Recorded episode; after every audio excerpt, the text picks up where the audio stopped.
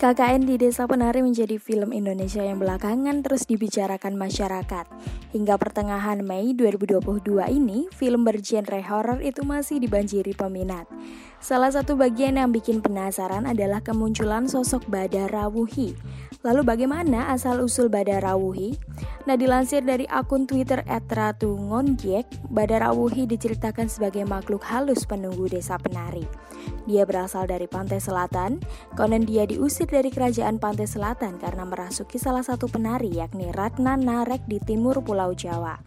Sehari-hari Ratna Narek adalah pemimpin suatu desa dan murid seorang kesatria di zaman kerajaan Kediri, Prabu Airlangga. Dia bersama dengan empat murid lain melarikan diri ketika sang guru ditaklukkan Pubarada.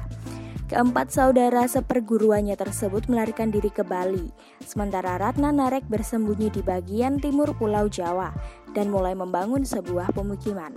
Ada sebuah pelataran yang digunakan Ratna Narek dan penduduk desa untuk memuja dewa dan arwah leluhur dengan tarian di desa yang baru dibangun tersebut. Ratna Narek sengaja tak memperlihatkan kekuatannya untuk menghindari kerajaan Pubarada. Hidupnya kini hanya digunakan untuk mempelajari lontar yang dibawanya ketika kabur. Lontar itu istimewa karena membawanya mempelajari berbagai ilmu, kenuragan, dan kanujiwan untuk menaklukkan pemimpin lelembut yang ada di hutan-hutan Pulau Jawa. Ratna Narek juga mendapat anugerah awet muda karena lontar tersebut. Kehidupannya mulai terusik ketika dia melakukan perjalanan ke Wonokromo yang saat itu memiliki pemimpin lelaki hidung belang. Melihat kecantikan Ratna Narek, sang pemimpin Wonokromo tertarik dan menawarkannya untuk menginap semalam. Tanpa curiga, Ratna Narek pun menerimanya. Namun pada malam hari ketika tertidur, pemimpin desa tersebut dan dua anak buahnya berusaha melakukan perbuatan yang tak senonoh.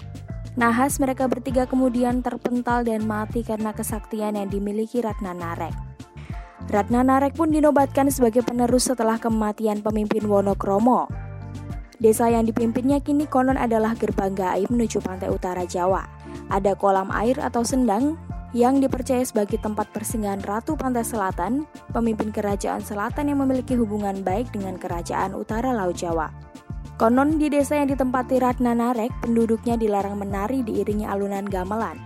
Ratna Narek yang diliputi kesombongan melanggar pantangan adat tersebut dan menantang semua penghuni hutan Daha, termasuk para penghuni sendang.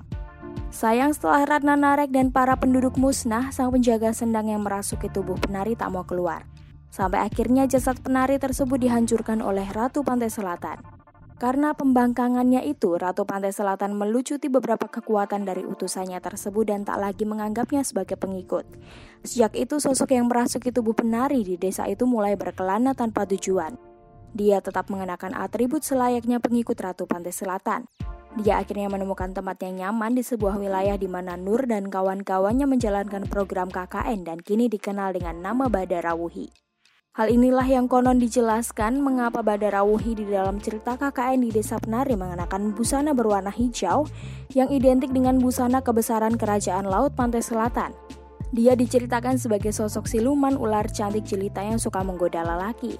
Badara Wuhi dalam film KKN Desa Penari sendiri diperankan oleh artis Aulia Sarah.